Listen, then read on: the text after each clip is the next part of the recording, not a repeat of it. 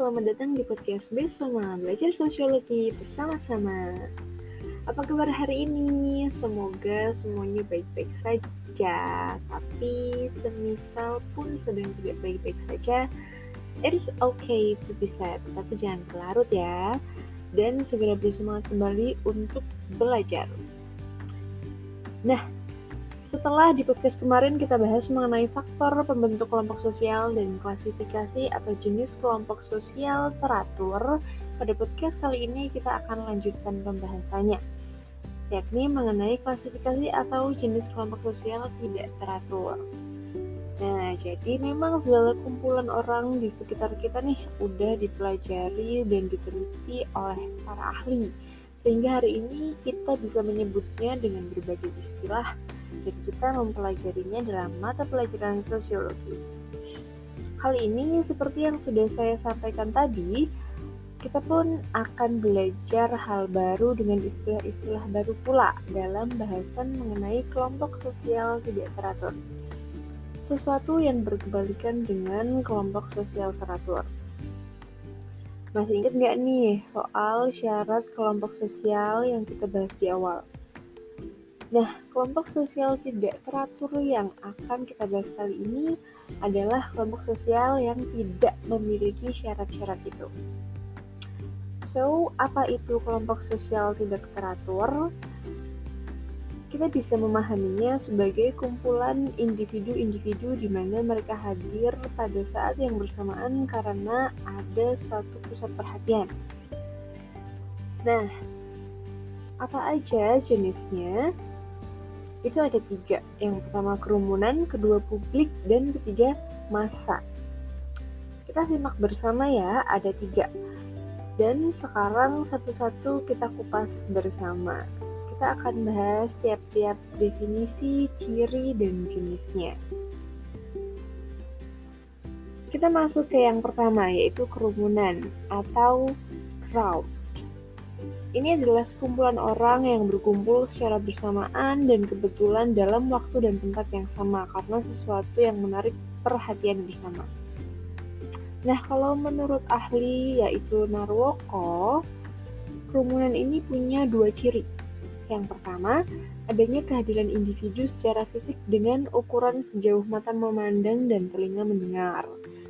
Dengan begitu, kerumunan ini bersifat sementara atau tidak berlangsung tidak berlangsung lama. Yang kedua, tidak terorganisir.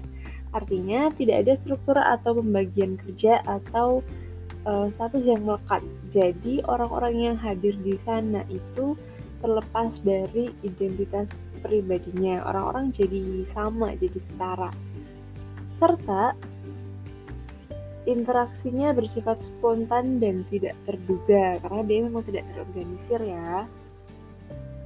Itu dan kita masuk ke jenis-jenisnya. Ada beberapa jenis kerumunan yang akan kita bahas. Yang pertama itu menurut Davis dan yang kedua menurut Mayer Polak. Menurut ahli semua. Yang pertama kita bahas dulu menurut Davis itu ada tiga bentuk yang pertama, kerumunan yang bersifat sementara. Yang kedua, kerumunan yang berartikulasi dengan struktur sosial. Dan yang ketiga, kerumunan yang berlawanan dengan norma hukum.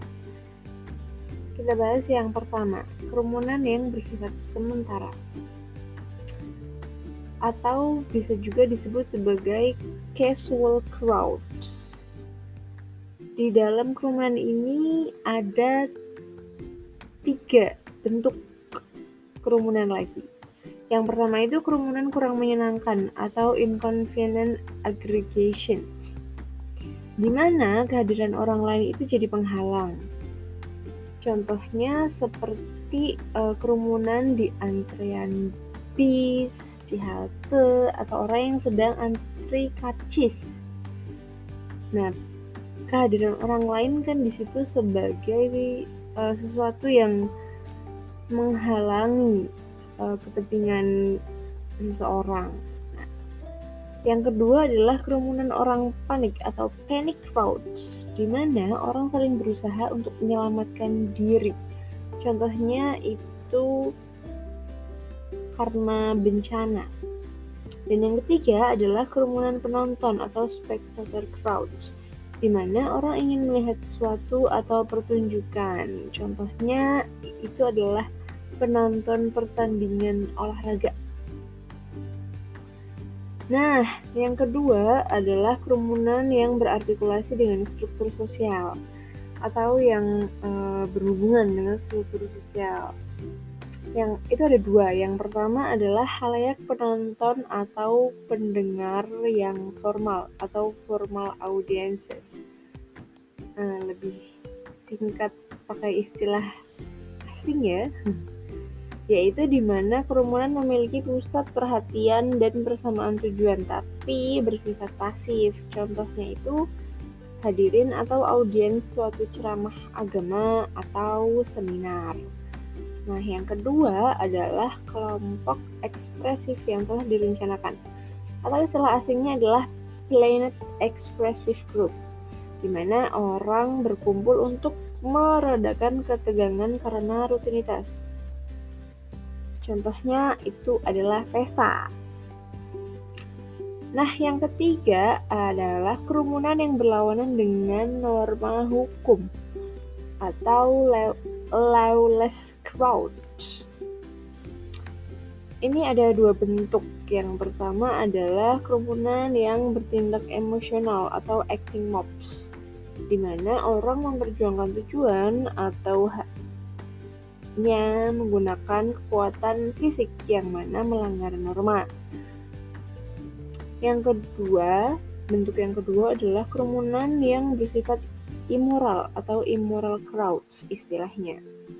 Hampir sama dengan kelompok ekspresif yang tadi, tetapi sekaligus di mana orang melakukan aktivitas yang tidak sesuai standar moral atau norma masyarakat. Contohnya adalah orang mabuk. Itu.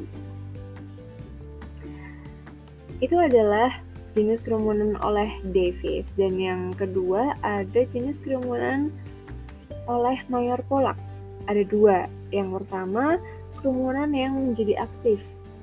Dia ini kerumunan yang bersifat uh, revolusioner atau menuntut perubahan.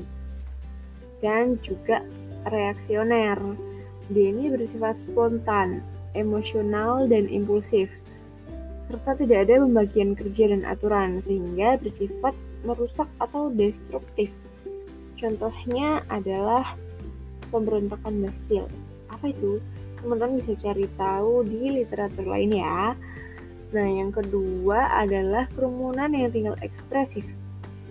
Dia tidak mengenal pusat perhatian atau tujuan, tetapi hanya mengenal e, emosi atau hiburan. Jadi dia nggak bersifat merusak atau destruktif.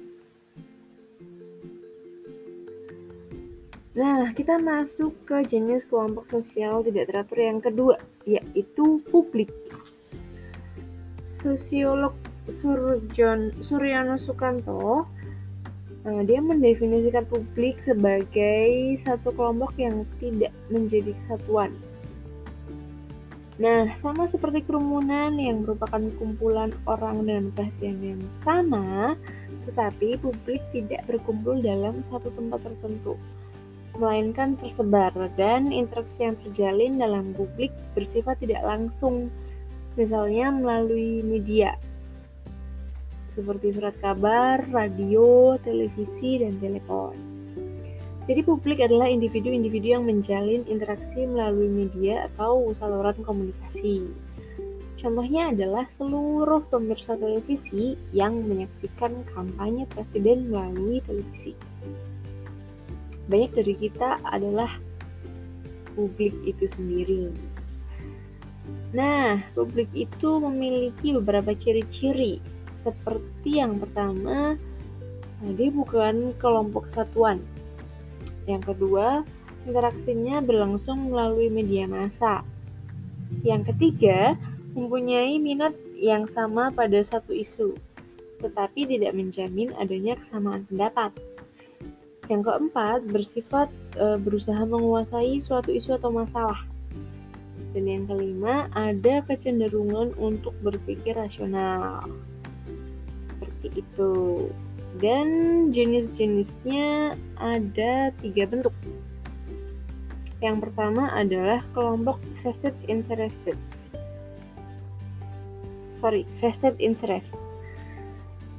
Dia adalah sekumpulan orang yang telah memiliki kedudukan tertentu dalam masyarakat dan bersifat ingin mempertahankan keadaan yang telah ada. Istilah lainnya mungkin teman-teman pernah dengar status quo, mempertahankan status quo. Sehingga kelompok ini bersikap pro terhadap kondisi yang sudah ada. Nah, yang kedua adalah kelompok New Corner dia ini sekumpulan orang yang ingin memperjuangkan tujuan atau kepentingan baru. Berupaya merebut kedudukan yang telah mapan dalam suatu masyarakat. Jadi dia bersikap kontra. Dan yang ketiga ada kelompok pasif. Sekumpulan orang yang memiliki minat tetapi belum menetapkan posisi atau pendiriannya dalam satu isu atau masalah nggak kayak yang pro atau yang kontra tadi. Seperti itu.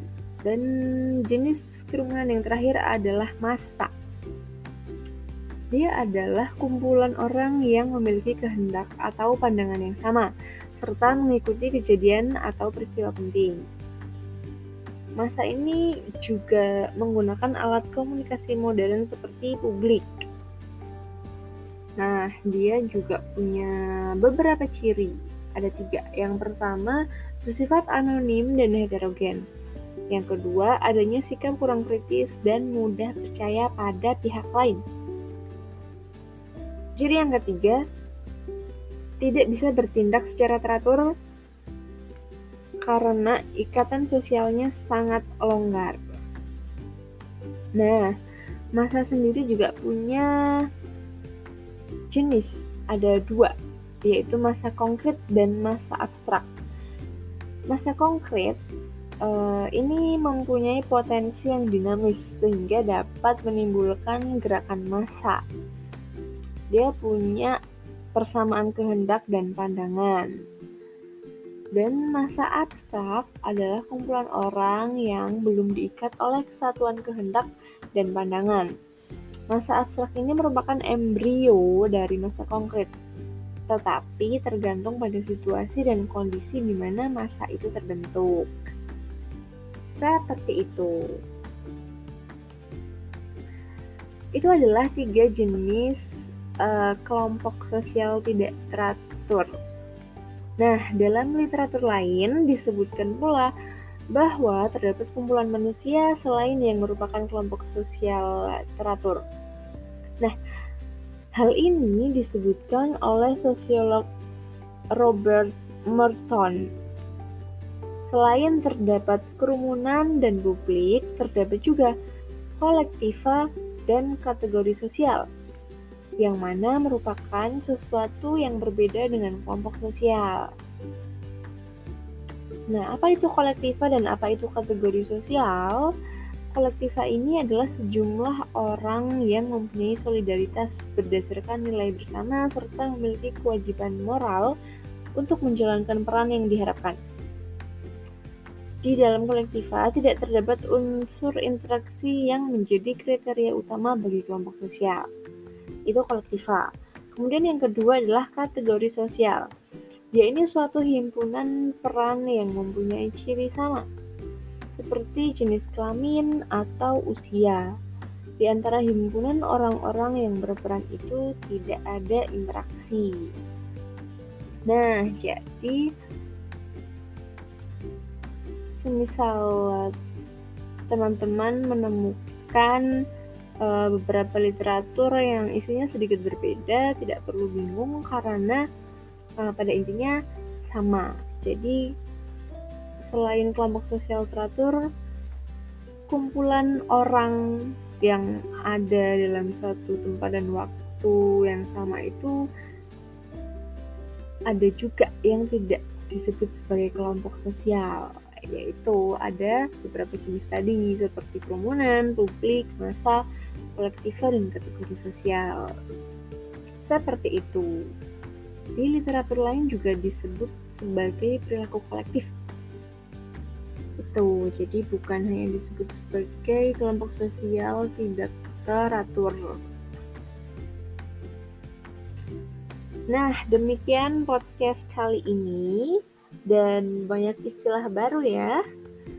Tetapi jangan terbebani karena sekali lagi seperti yang sudah saya pernah sampaikan, semua itu tidak untuk dihafalkan, cukup dipahami intinya saja.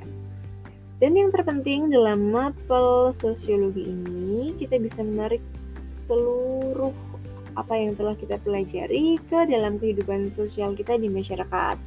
Artinya, sosiologi bisa membantu kita untuk membaca atau menganalisis fenomena sosial di sekitar kita. Sehingga kita bisa paham akan segala sesuatu yang terjadi di sekeliling kita. Nah, dari situ kita bisa tahu langkah apa yang mesti kita ambil untuk kehidupan sosial yang kita kehendaki bersama kebaikannya.